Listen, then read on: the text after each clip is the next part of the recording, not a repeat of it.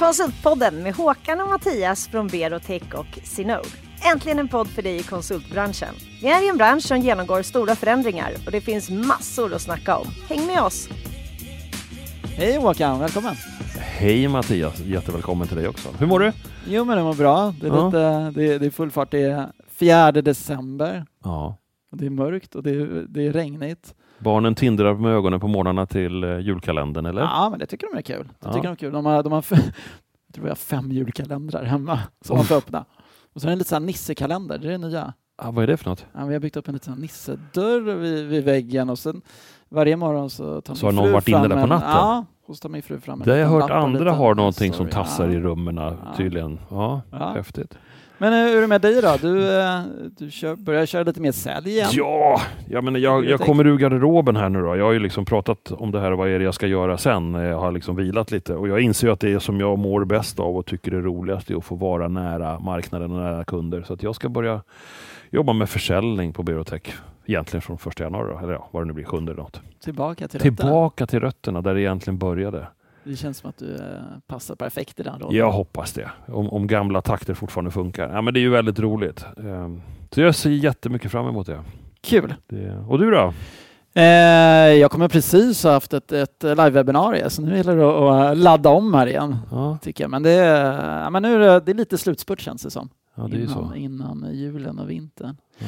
Och, men för, för ett år sedan då var vi ju och, hos, och mötte Sweco, Sweco Sverige-VD, Ann-Louise. Lökholm Claesson. Precis. Deras eh, fina, fina hus. Ja, det var imponerande samtal tycker jag om deras eh, tydlighet kring hållbarhet och miljöfrågor. Ja, men det, verkligen. Det kändes eh, verkligen när man kom in i Swecohuset. Det här är hållbarhet. Och hon nämnde ju faktiskt eh, dagens gäst att hon hade ju... Eh, Så lång tid kan det ta. Från att vi outas ett bra namn så kan det ta ett helt år innan vi ja, får audiens. yes. Så att eh, Ann-Louise Lökholm eh, anställde våran gäst för drygt ett år sedan. Det var väl lite innan vårat, vårat avsnitt där. Så att eh, varmt välkommen Mattias Goldman. Tack så mycket för det. Och du har varit utnämnd till eh, mäktigaste hållbarhets-Sverige. Mm. Hur känns det, den titeln? Ja, men, eh, man går ju omkring och plötsligt liksom ska se mäktig ut. När jag utsågs till det så skulle jag då fotograferas för någon tidningsomslag. Och så såg jag ut som mitt vanliga jag och så sa fotografen åt mig, du måste se mäktig ut nu. Mäktigare, mäktigare. Och det, det låg inte riktigt för mig tycker jag. Men, men, eh, men eh, mer övergripande var det häftigt att jag ju då var på ett ganska litet ställe, en tankesmedja som heter Fores. Den minsta organisation som någonsin har fått den där utmärkelsen. Mhm. Och det tycker jag är en jätteviktig signal att hållbarhetsfrågorna är liksom inte, nu är jag på en stor dragkuva, men den är för stora som små eftersom det är en fråga som eh, genomsyrar hela samhället nu. Vad, gjorde ni på den organisationen? Fores var en tankesmedja där vi eh, utfor, hjälpte till att utforma tuffa klimat och hållbarhetsmål. Och nu är vi färdiga med det tycker jag. Vi har Parisavtal, vi har klimatlagar och allt sånt. Va? Nu ska de genomföras och därav Sweco för min del. Yes, men jag tänker ändå ett väldigt stort steg. Gå därifrån och sen gå till stora Sweco. Hade du koll på Sweco och konsultbranschen? Alltså dels så hade jag i min egen bakgrund i- är konsult i olika schatteringar, mycket inom hållbarhet och ända sedan barnsben har jag, jag lyssnade på dig nyss när du sa liksom sälj som något otroligt fint, vad det har jag haft med mig ända sedan barnsben. Så konsultrollen är mig inte alls främmande, men ett väldigt stort börsnoterat eh, bolag som finns i så många länder med nu 18 000 kollegor, det har jag aldrig haft förut och det ger ju också helt andra möjligheter att knuffa hållbarhet framåt. Så var det som lockade att nu får du Ja. göra det på riktigt? Alltså dels var det det som lockade och dels oss emellan så också när jag funderade på är det här rätt kliv för mig så satt jag just med Ann-Louise som ni nämnde här i inledningen och eh, hennes sätt att tackla frågorna, hennes ledarskap och hennes tydliga mandat till mig gjorde mig väldigt övertygad om att det här är, är rätt ställe att vara för att knuffa hållbarhet framåt. Mm, ja, men hon, hon nämnde det i förra avsnittet. Att hon, hon frågar dig hela tiden. Har vi, liksom, har vi tänkt på hållbarhet när vi tar det här beslutet? Jag tycker att det var väldigt, väldigt bra eh, sagt. Möter man Ann-Louise i korridorerna, vilket ju var vanligare för ett par månader sedan och förhoppningsvis om ett par månader igen än just nu, så är hennes ständiga fråga, är vi tillräckligt på det? Och dels tror jag utifrån ett hållbarhetsdriv som är genuint, men väldigt mycket utifrån liksom en mental bonad som vi nu har på Sweco, att hållbarhet är affärskritiskt för oss. Slarvar vi med hållbarhet så slarvar vi med affären. Mm. Mm. Och sen i, i den verksamhet ni är, som jobbar med infrastruktur och byggen och bostäder, ni når ju hela mänskligheten. Ni har ju Exakt. förmånerna och ett jättestort ansvar gissar jag då. Att man, det är inte som jag och Mattias, vi jobbar i lite ett smalare rör och är sjukt bra på det. Men vi når ju inte riktigt så stora folkgrupper som era projekt någonstans gör. Så är det ju. Liksom, Mm. Mycket av det vi gör eh, är ju där människor ska bo och hur människor transporteras årtionden framåt. Och i hela Europa och vi har projekt nu i nästan hundra länder, bygger helt klimatneutrala städer i Kina och så. Så det var ju precis det jag ville åt när jag nu, när jag nu bytte, att jag ville åt liksom verkstad och att man verkligen är med där, där det på riktigt händer. Jag tror att det är så här att du blev utnämnd till Sveriges mäktigaste person innan du började på Sweco. Och det här är strategin för att nå det. Ja, men lite så, oh, nej jag vågar inte ens säga det, men okej, mikro, nano, pixo, miniatyr. Mm. Som när Obama fick Nobelpriset för tidigt och sen Ja. började, men verkligen Ja. minia, minia, Ja, ja, men vi miniatyr, kan tåla en liksom. sån jämförelse. Ja, men det är fint. Ja. Men eh, hur ser en dag ut på Sweco? Va, va, har, har ni ett helt team som jobbar med hållbarhet? Jag vet, att- vet att det genomsyrar hela verksamheten. Har ni? Jag kom precis från möte nu med det som vi kallar våra hållbarhetskoordinatorer, där Sweco är jag som hållbarhetschef. Och sen har vi olika segmentet med bygg och fastighet till exempel. De har varsin hållbarhetssegmentschef. Och sen har vi många olika divisioner, de har alla en hållbarhetskoordinator. Men det häftiga nu, när vi nu säger att hållbarhet är affärskritiskt för oss, är ju att varenda medarbetare, okej, någon kanske är lite sen att hoppa ombord på tåget, va? men varenda människa är ju nu en hållbarhetsagent hos oss. Och vi ser väldigt tydligt att kunden efterfrågar det och inte minst så ser jag supertydligt att de nya medarbetarna, generation Z, generation millennials, generation Greta, att de från början säger att det är hållbarhet eller så vill inte jag vara med. Mm. Det blir en konkurrensfördel för er också. Det blir det absolut. Just nu så plockade vi in några nya medarbetare där jag frågade varför. Varför Sweco? Och så sa de era tydliga, eller våra tydliga hållbarhetsmål. Och så en annan grej som jag märkte när nu, alltså vi- vi är 17-18 000. Mm. Jag killgissar att 15 000 av mina kollegor sitter framför datorn och jobbar just nu. Och så frågade jag ett par stycken av dem, hur kommer det sig att du levererar så väl? Mm. Varför, varför går du inte in på Netflix istället? Varför loggar du inte ut halv fyra? Och så säger de, ja men det är ju liksom inte bara för kvartalsrapportens skull, va? utan det är för att jag bidrar till något större. Så det blir så väldigt tydligt för oss att, att när vi har hållbarhet som så stark ledstjärna så får vi också medarbetarna att prestera bättre, framförallt i det här tillfället när vi liksom inte nu möts över kaffeapparaten utan var och en hos sig får ta ett väldigt stort eget ansvar. Då hjälper hållbarhet oss.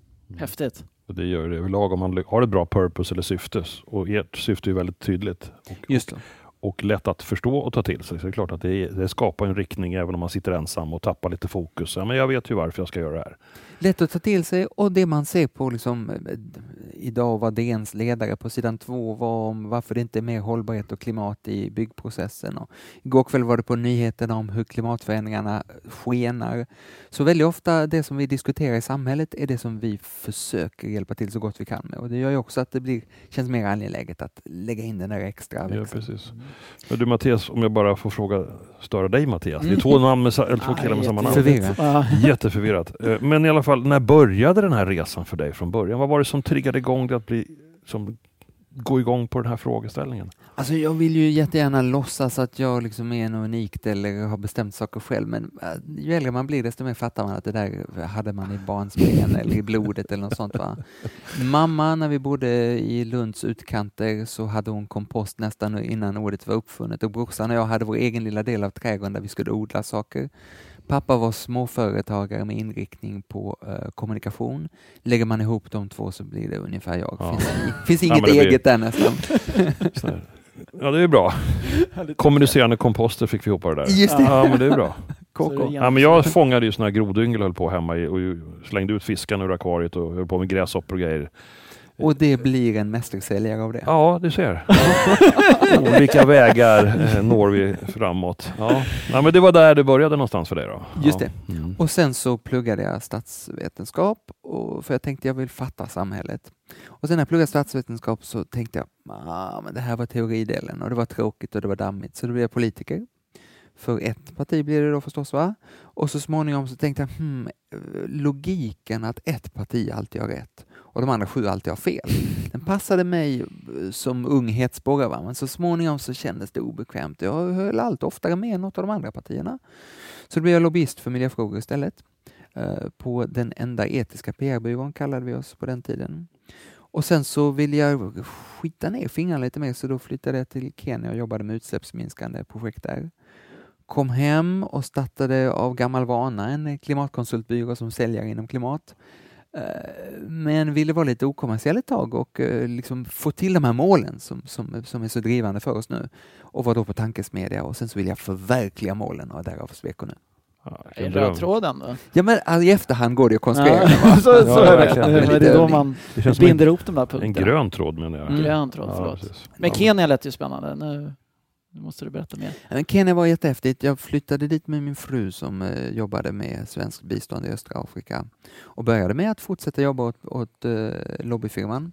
Första veckan var det underbart att sitta vid poolen i, i Nairobi och fakturera 1500 spänn i timmen. Men sen ganska snabbt kom jag på att det var inte alls det jag ville. När man ändå är i Kenya så vill jag göra någon skillnad där. Mm. Så då etablerade vi soldriven vattenredning och solceller och någon vindkraftpark och sådana saker.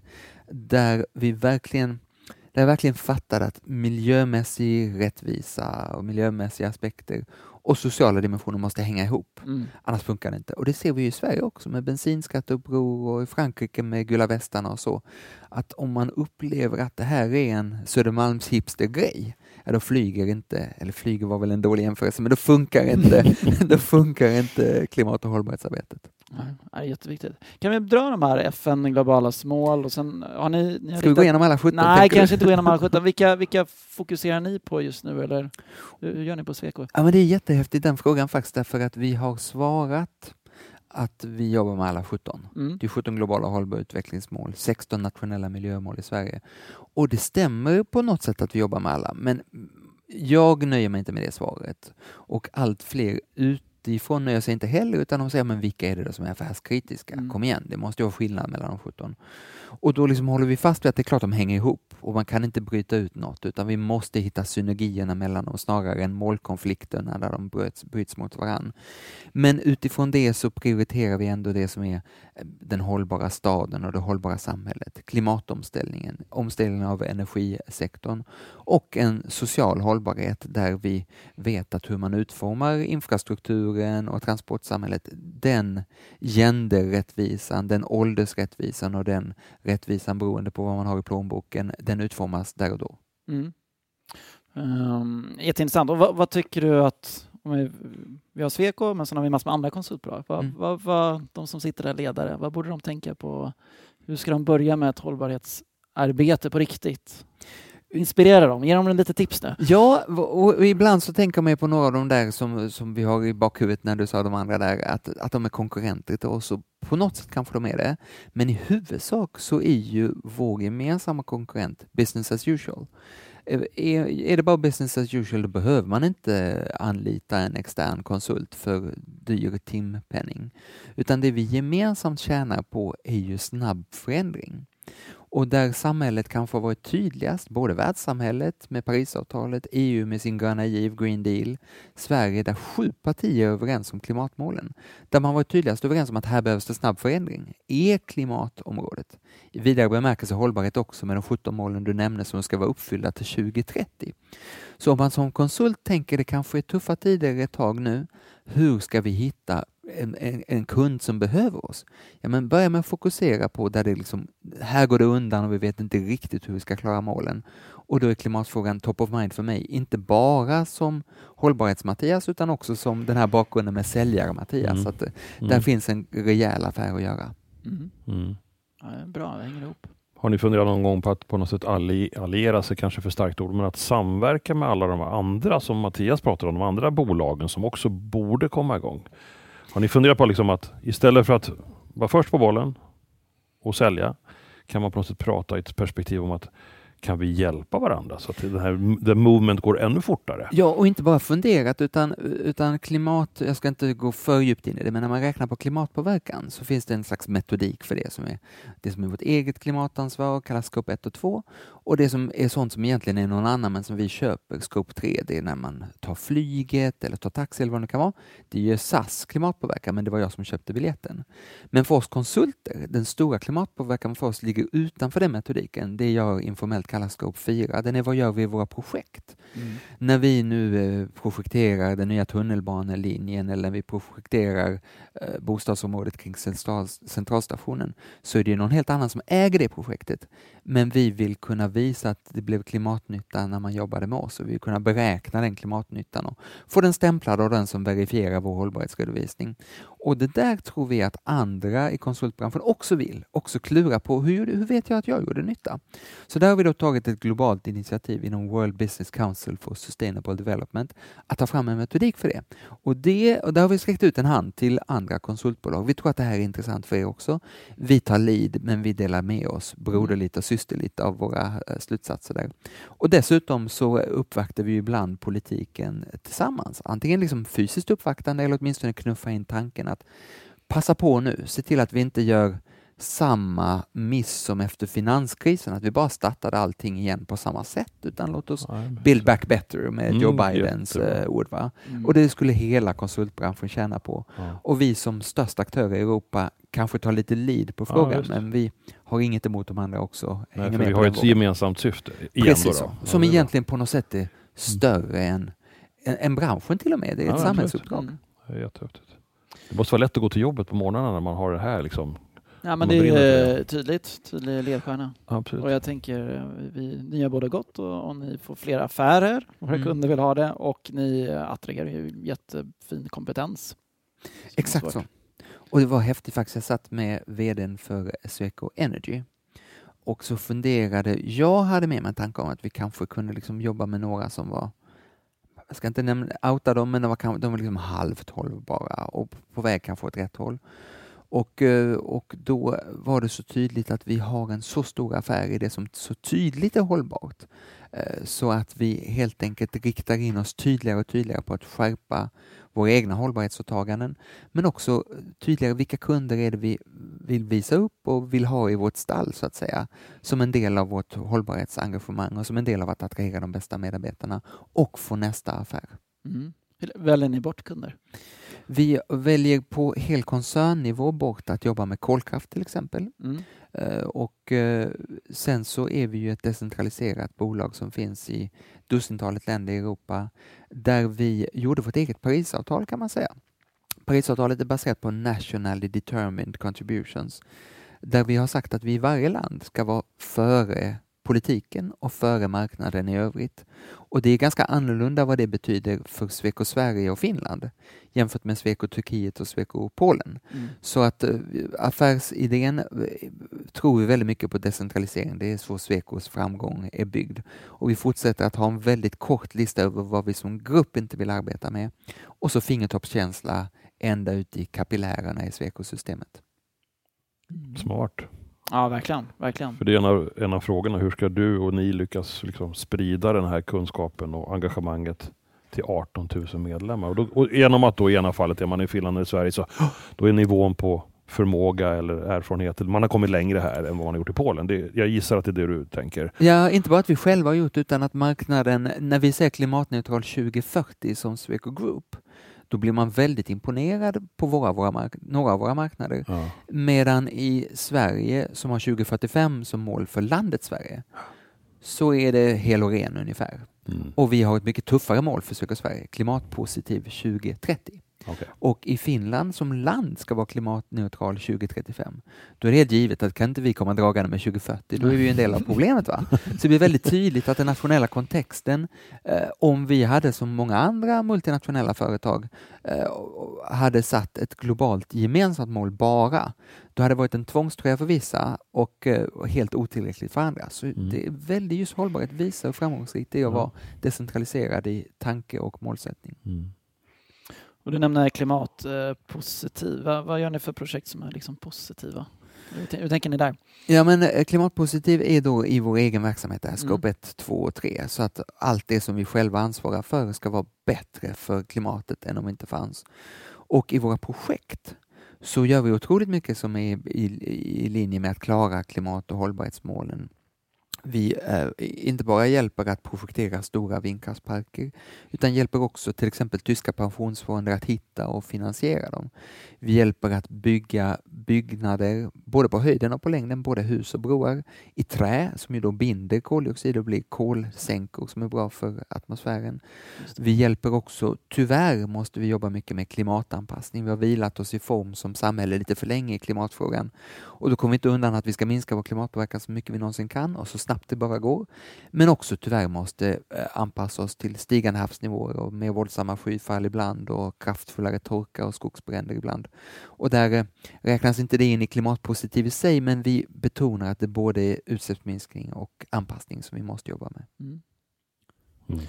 Eh, jag tänker på, på, om vi går ner till kons, där är konsultpodden. Konsulten, individen, konsulten, och det behöver inte vara någon på Sweco, men säg att vi är ute hos någon kund eh, och den kunden kanske inte pratar om hållbarhet. Hur, hur, vad borde, hur borde en eh, konsult tänka för att få in hållbarheten och, och lyfta det upp på bordet? Det där är kanske det vanligaste rollspelet vi har på Sweco. Ah, Vi kommer med en bergfast övertygelse om att vi kan göra större nytta i projekten och kunden kanske inte riktigt från början har med sig detta eller inte tycker att den har uppdraget utan den har bara köper nu detta till billigast möjliga pris.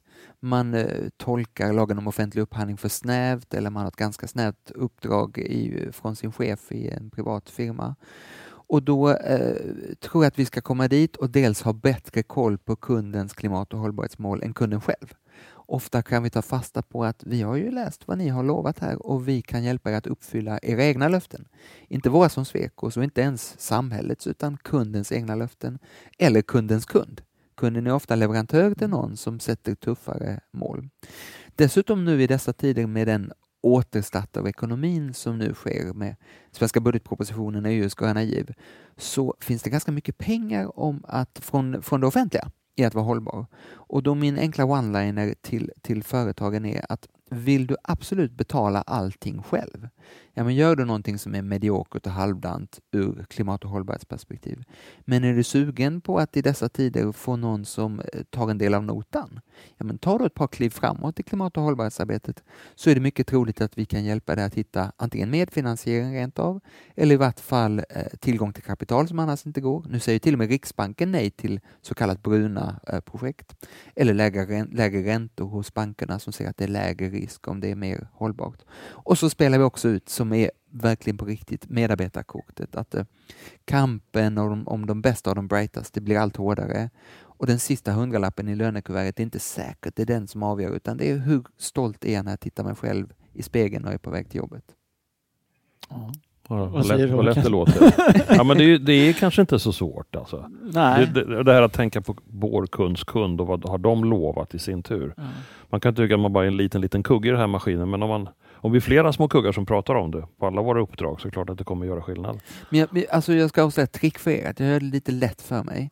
Eh, för jag glider mellan hållbarhet eh, med alla dess dimensioner och klimat. Mm. För att på klimat så har vi jättetydliga mätbara mål som samhälle, Parisavtal, klimatlagar och de flesta, åtminstone lite större företag och kommuner har klimatmål. Men mål på biologisk mångfald eller mål inom den sociala dimensionen av hållbarhet inte lika självklart. va? Så därför tycker jag att dominobrickorna ofta måste ramla med klimat först, för då faller Mm. de andra också. Okej. Liksom. Mm. Mm. Ja, men jag tycker det är bra att du, du kopplar det till affären också. Det, är- det, är- det är lönsamt också. Ja. Så att det, det gör det ännu mer. Ja, Win-win-win. precis. Du har ju skrivit en bok också. Ja, Klimatsynda. jajamän. Eh, jag ska erkänna att jag inte uh, läst den än. Skäms. Ah, jag Nej, skäms men det är jullov. Det är jullov. Ja, jullov, det har tid. Eh, men berätta, klimatsynda. Nej, men det var inte du som skulle skämmas, skämmas utan hela boken går ut på att jag skäms. För ett kvarts sekel i princip har jag jobbat med klimatfrågan och fått de där utmärkelserna ni nämnde i början. Eh, men det har inte gått jättebra i klimatfrågan. Eh, alltså utsläppen fortsätter öka, utom just nu under pandemin. Och vi är ganska långt ifrån att klara de åtaganden vi har enats om som samhälle. Och då tänker jag att någon måste kliva fram och säga att jag är en del i skulden av detta. Vi har gjort fel, vi som har varit i klimat, miljö och hållbarhetsrörelsen. Och jag tror vi har gjort jättefel. Jag tror För att vårt, mycket skäms. ja, vår, exakt, vårt fokus på skuld och skam Ja. och försakelse, det har lockat några ur generation Greta. Det har inte lockat jättemånga ur vår Nej. generation här Nej. runt, runt, runt bordet, medelålders män, köpstarka, eh, har inte tänkt att jag vill vara med i skamrörelsen. Utan jag tror att det ska vara eh, lätt, lustfyllt och lönsamt att ställa om. Så jag utgick helt enkelt ifrån de sju dödssynderna eh, som Mm. vi ju genom årtusenden, och inte bara i kristendomen, utan som jordklot genom årtusenden har Mm. fått höra att så här ska du absolut inte bete dig. Och det är ju just så vi beter oss när vi tror ingen ser och ingen märker. Och så tänkte jag, men vad fanken om vi utgår från detta istället, att vi ska systematiskt begå de sju dödssynderna i klimatets tjänst. Vad händer om vi är maximalt giriga? Vad händer om vi eh, liksom bejakar avunden som drivkraft? Ja, men det blir jättebra för klimatet faktiskt, om man gör det på rätt sätt. Mhm. Ja, det blir jag nyfiken. Mm. Nu måste man ju läsa, nu måste man läsa boken. Du är en Ja. bra säljare hör jag. Oh, jag skulle ha tagit med två böcker. Två extra. Skulle vi, skulle vi ta med. Ja, men jag tycker någonstans att, att man brukar mäta det här med sådana där mål vi nu pratar om, att man baserar dem på vilken omsättning varje bolag har. Att vi ska ha minst så här många procent eller så här mycket pengar baserat på omsättningen. Och alla bolag vill ju på något sätt öka sin omsättning hela tiden. Just det. Så det är ett mörkertal. Egentligen ökar vi alla skulder, alla, alla misstag. Men i förhållande till sin omsättningsökning hela tiden så ser det bra ut. Mm. Förstår du? Så man luras ju lite grann där. Det här förnekelsen, den är ju fullständig Mm. hos allt för många. Eh. Ja. Ja. Är, är du, bara så här, st- större fråga, är du hoppingivande eller är du, det här, det här kommer skita sig eller? Ja, alltså det står verkligen och väger nu Mm. och jag eh, skulle inte orka jobba med det jag gör på det sätt jag gör om jag inte i grunden trodde att det går att fixa. Jag skulle heller inte bry mig om att jobba med det om jag trodde att det var självklart. Nej. Utan det är just det där, att, att det finns en chans som är så spännande. Och jag tänker tillbaks på när Sverige kvalade in till fotbolls-EM och vi behövde spela lika med Tyskland. Och i 65 minuten, jag satt på en hotellrum med några andra svenskar. I 65 minuten låg vi under 4-0. Och de, alla andra gick och la sig och publi- man såg på läktaren, publiken gick hem. Och så blev det ju 1-4, 2-4, 3-4. Mm, mm. Jag tror inte ens att alla elva på plan trodde på det. Det räckte med Nej. några få på plan som trodde på det. Och så är det med klimatfrågan nu. Det behövs inte en majoritet som tror på det. Det behövs en majoritet som inte är emot, som håller tummarna. Eh, även om man liksom till och med går och lägger sig och ger upp. Så liksom, om man ändå bara någonstans hoppas. Och så ett litet edsvuret gäng som blir liksom de här som får det att tippa över. Så är det alltid med Mm. first movers att de är ganska få. Eller också last man standing som, Ja. som ser till att det här blir En Zlatan, är du som är Mattias Goldman Zlatan? Zlatan börjar bli lite till åren. Ja. Och, Han levererar fortfarande. ja, nej, men jag, jag, tror att, eh, jag tror att det här är mycket mer av ett lagarbete Mm. än, än eh, någon ensam fixstjärna där framme. På Sweco är det definitivt så att det vi kan göra skillnad är för att vi är 18 000, inte för att det råkar vara mig som hållbarhetschef. Och eh, det är också det som är det häftiga med klimatfrågan i Sverige. Att eh, även om inte alla kanske kämpar på dygnet runt så är det den enda fråga jag vet där sju av riksdagens åtta partier har exakt samma mål. Man kan hålla på med vilken annan fråga man vill och så undrar man, håller det här ens mandatperioden ut? Vad händer om något annat gäng vinner i valet? Bara Mm. denna fråga vet jag hur det är ända fram till 2045. Mm. Och det ger ju en grundläggande trygghet att, eh, att vi som håller på med frågan vet vad som gäller, vet förutsättningarna för det fortsatta arbetet och kan våga trycka på. Mm. Hur, hur, hur tycker du det upplevs från eh, skola, universitet och utbildning? Se, nu när ni rekryterar mycket unga människor, så här, känn, känner du ett hopp där också? Är de, är de på bollen? Jo, det är de väl för att man känner att det är viktigt, men är de, är de utbildade? Kan de rätt grejer? Hänger skolväsendet med? Så att de som du nu plockar in, Alltså lite, lite, lite så här eh, mellan oss så är jag glad att jag hann få det här jobbet eh, innan alla de här kommer ut att det är ju många som vida överglänser oss i vad de har med sig i ryggsäcken. Och det häftiga är att det har ju länge funnits jättebra eh, miljöutbildningar för traditionellt miljöarbete. Sanera, eh, sanera eh, förorenad mark och etablera våtmarker och miljö och hälsoskyddsinspektörer och liknande. Och sen har det ett tag funnits bra klimatfolk, men det som kommer nu som är riktigt, riktigt bra är att också om man går ekonomi på handel så får man med sig hållbarhet kopplat till affären just, Mm. att det liksom inte är Mm. något helt annat. Inte en helt annan utbildning utan in i de mest centrala utbildningarna, Mm. de som blir ekonomer sen, de som blir ingenjörer, de som blir jurister, att de också har med sig klimat och hållbarhet. Mm. Och det gör att jag ser framtiden an med till, tillförsikt, även om det är precis som i den där fotbollsmatchen, en kamp mot klockan. Ja, Mm. precis. Ja, jätte. Ja, men häftigt. Jag gillar hur, ni, hur det genomsyras i er organisation och snart det börjar genomsyras mer och mer i samhället. Mm. Och så kommer med de här ungdomarna också. Ska vi, vi har ju med oss Josefin, ska vi börja släppa in henne också tänkte jag? Ja, det tycker jag. Har vi med Josefin? Ja, hej. Hej Josefin, hur mår du? Jag mår bra Mm. tack. Härligt. Hur mår ni? Det är jättebra. Ja, det är bra. Har du, Fint, fint. har du lyssnat? Jag har lyssnat. Vad, vad får du för reflektioner? Jag tycker det är jätteroligt att höra Mattias berätta om sitt jobb på, på Sweco. Och jag tänker på det här du sa inledningsvis att hållbarhetsfrågan är både för, för stora och små organisationer tror jag att du sa. Mm. Eh, att, eh, jag tror att det är ett jätteviktigt perspektiv som, som många i konsultbranschen ska ta till sig. För att ibland kan man kanske tänka att ja, men, om man säljer, säljer tjänster som konsult så kanske man inte alltid ser att man har en direkt påverkan och kan hjälpa till med, med den här superviktiga frågan. Men eh, jag är väldigt glad att, att vi på Frontit jobbar mycket med hållbarhetsfrågan. Så att jag, jag känner mig stolt över, över det vi gör i alla fall när jag lyssnade. Och, Härligt. Du kanske delar det som Mattias pratade om, att alla deras 18 000 känner ett syfte eller ett purpose med sitt jobb på dagarna. Jag hörde på dig när du Ja. pratar om det, att du brinner också lite för ja, men det gör jag. Ja, Schysst. vad skönt. Då är hoppet kvar där ute. Ja. Men har du, har du varit med om någon sån här tillfälle där du har kunnat, i det, i det stora eller det lilla, lyckas vara med och påverka i den här riktningen som, som vi alla vet är viktig?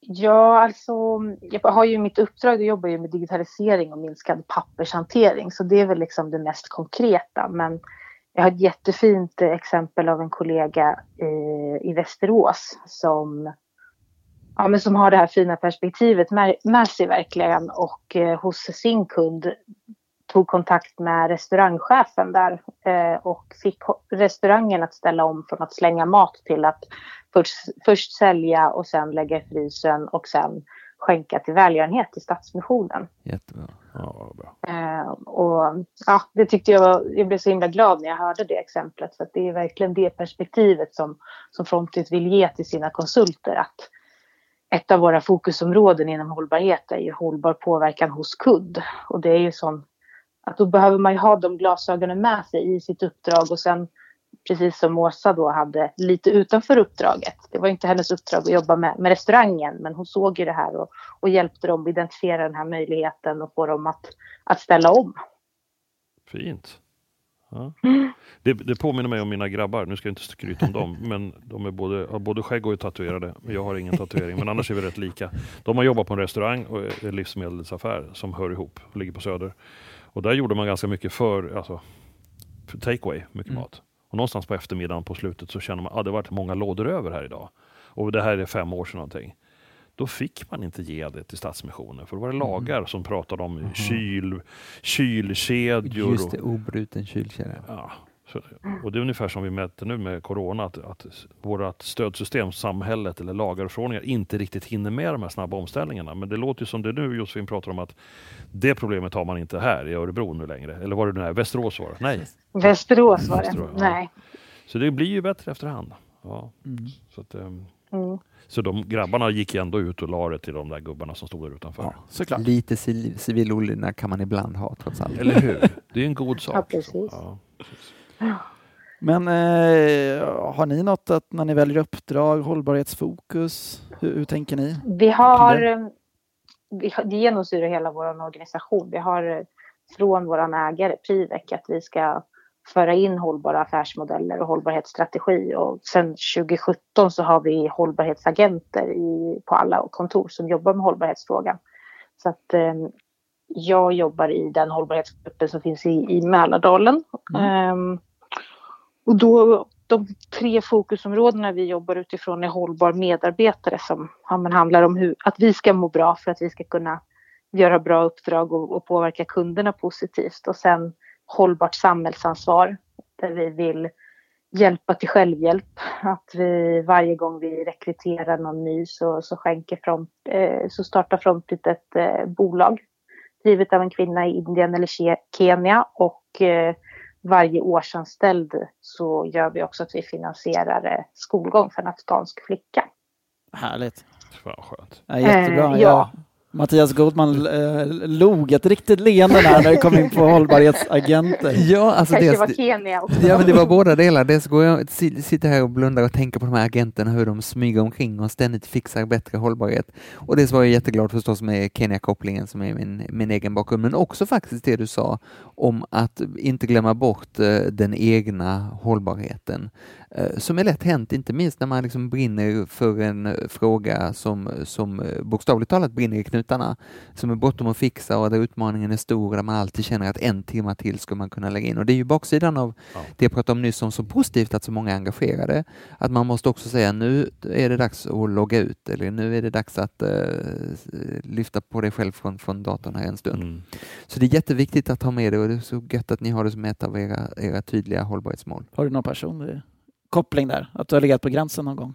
Nej, men jag har, eh, alltså dels genom att jag inte, jag tror jag klarar mig genom att jag inte riktigt skiljer på mitt jobb, och lite gör det, men mitt jobb och min fritid, jag är liksom, det, det är det jag gör jämt. Mm. Eh, så det gör tror jag att jag inte riktigt är i farozonen för att bränna ut mig, men, men jag har sett många som har verkligen fyllts av allvaret i hållbarhetsfrågan och då inte riktigt klarat med sin egen hållbarhet. Mm.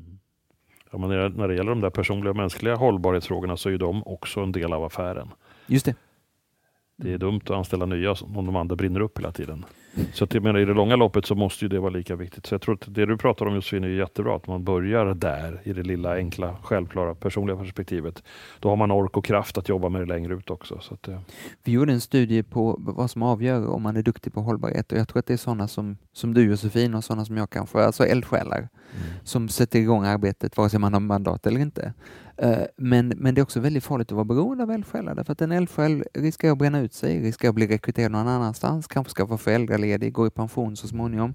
Så man måste ganska snabbt komma vidare från den där eldsjälen till att det genomsyrar verksamheten. Mm. Precis. Josefin, du ska gå på föräldraledighet snart. Så vem, vem, tänker du lämna över ditt agentansvar till då? Vi, jag har inte agentansvaret faktiskt. Jag är Nej. bara med i gruppen. Du är med i gruppen. Mm. Du ser det. Det är vi så många som engagerar oss i det. många som tycker det är roligt. jag känner mig inte orolig för det. Nej, vad bra. Men, men jag tänker på det som, som du sa Mattias, att det, att det är viktigt. Jag tänker nu i så här coronatider när, man, när vi är på distans så så blir det andra typer av frågor som blir viktiga att, eh, när man ska se efter sina medarbetare. Mm. Mm. Att, eh, att säkerställa att man liksom fortsätter att röra på sig och, och tar hand om sig även fast man sitter hemma och det är lätt att liksom fastna i möten hela dagarna. Mm. Det tycker jag är roligt för vi har gjort mycket så här att vi har haft yoga för yoga på Teams och rörlighetspass som vi har bjudit in till och att främja walk and talk-möten och också en hälsoutmaning nu under hösten med, med en app där vi har haft en liten tävling mellan kontoren men framför allt att vi ska främja liksom, rörelser och aktivitet och, men också sammanhållning just under distansarbete som blir ja, men för ett företag som som har en fantastisk sammanhållning när man har så himla roligt ihop så, så är det ju jättetufft att inte få ses. Vi hade idag på, på Sweco, på, på något möte på Teams, eh, simövning med någon som är duktig på att simma, torrsimma helt enkelt. Mm -hmm. Och det visade sig att jag under alla år har bröstsimmat detta enkla simsätt fel. Mm -hmm. Som, en, som en äldre tant med badmössa som inte är rädd för att blöta ner håret. Man ska göra på ett helt annat sätt, lärde jag mig idag på Teams i ett eh, konferensrum. Det är som vanligt. Det, det mesta är ändå ogjort. Ja, nu ska vi tydligen simma på Teams. det går att lära en gammal gubbe att simma. Det är fantastiskt. Det finns fortfarande hopp. Exakt. Men hörni, Mattias, ja. vad tar du med dig nu av det här samtalet som vi måste börja avrunda tror jag snart? Ja, nej men eh, jag gillar hur, hur ni tänker att det genomsyrar allting. Eh, ni gör det inte så konstigt. Det blir inte en sak till, utan det genomsyrar allting och så kopplingen till, till affären. Och, och det, det, det, det är win-win-win, ja, som precis. vi säger. Och du Håkan? Nej, men jag, jag blir alltid inspirerad. Jag tycker om de här hållbarhetsagenterna. Den här mm. undercover agent till en början då som kanske var utan mandat till att kanske ta en plats. Det vore häftigt. Och sen det här att eh, inte bara falla till föga för att ja, men nu har en kund och ett uppdrag som inte alls pratar om det utan, utan läsa på lite grann om vad kunden har för egen plan. Och om inte de har den så kanske deras marknad har det. Och våga lyfta det. Mm. Det tror jag är bra i det lilla. Eh, så tack för den inspirationen. Och Josefin, vad tar du med dig då? Men jag tar med mig den här påminnelsen om att man faktiskt påverkar i det lilla. Även om man kan känna ibland att ja, men, det här spelar ju faktiskt ingen roll. Men precis som du sa Mattias, de här eldsjälarna kan inspirera och driva på mer än man kanske initialt tänker. Och jag tyckte också det var ett bra tips det här du sa att, att hålla koll på vad kunden har lovat och hjälpa dem att uppfylla sina mål. Det, det ska jag ta med mig att man, man kan göra lite sån research och se ifall om man kan hjälpa dem eh, i den, de frågorna framåt. Mm. Leverera lite extra. Jättebra. Bra! Ja. Men då börjar vi summera. Vi, vi brukar alltid ha en sista fråga. Vem borde vi ta med oss i Konsultpodden härnäst? Oj, vad spännande.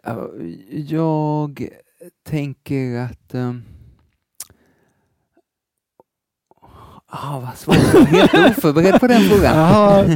Ann-Louise sa ju dig faktiskt. Hon sa mig. Och, och, och, jag tänker om jag passar till en svekkollega till så blir det, så blir det för tråkigt. Okej, okay, nu vet jag en jättespännande. Jag tycker det var så häftigt häromdagen när Volvos VD Håkan Samuelsson sa att förbjud, bara var inte så himla rädda. Vi, vi i företagsvärlden, man tror att vi är emot förbud. Tvärtom, se till att det ohållbara bara är tydligt på väg ut. Inte med någon tillfällig premie där pengarna kanske tar slut utan markera svart på vitt vad ska bort och vad ska vara kvar. Vad ska bli mindre av, vad ska bli mer av. Han ville förbjuda fossilbränslebilarna till exempel. Mm. Och nu ser vi ganska många som liksom i stora svenska företag som är helt som är bread and butter för oss i konsultbranschen. Det är de vi liksom behöver att de flyttar sig.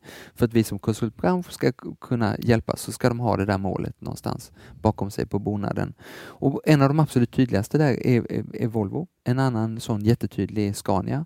Så någon där, då, Andreas Follér som är hållbarhetschef på Scania, också supercool. Någon från de riktigt tunga svenska industridrakarna som nu skapar en fantastisk marknad för hållbarhetsdrivna konsulter, skulle jag vilja höra. Jättebra. Jag tycker bra tips. Härligt. Perfekt tips. Jag tänkte bara en sista fråga. Eh, jag menar, du är mäktigaste personen i hållbarhetssverige. Före, Nej, före, Johan, före Johan Rockström. Just det. Men han har ju faktiskt både kört sommarprat och vinterprat.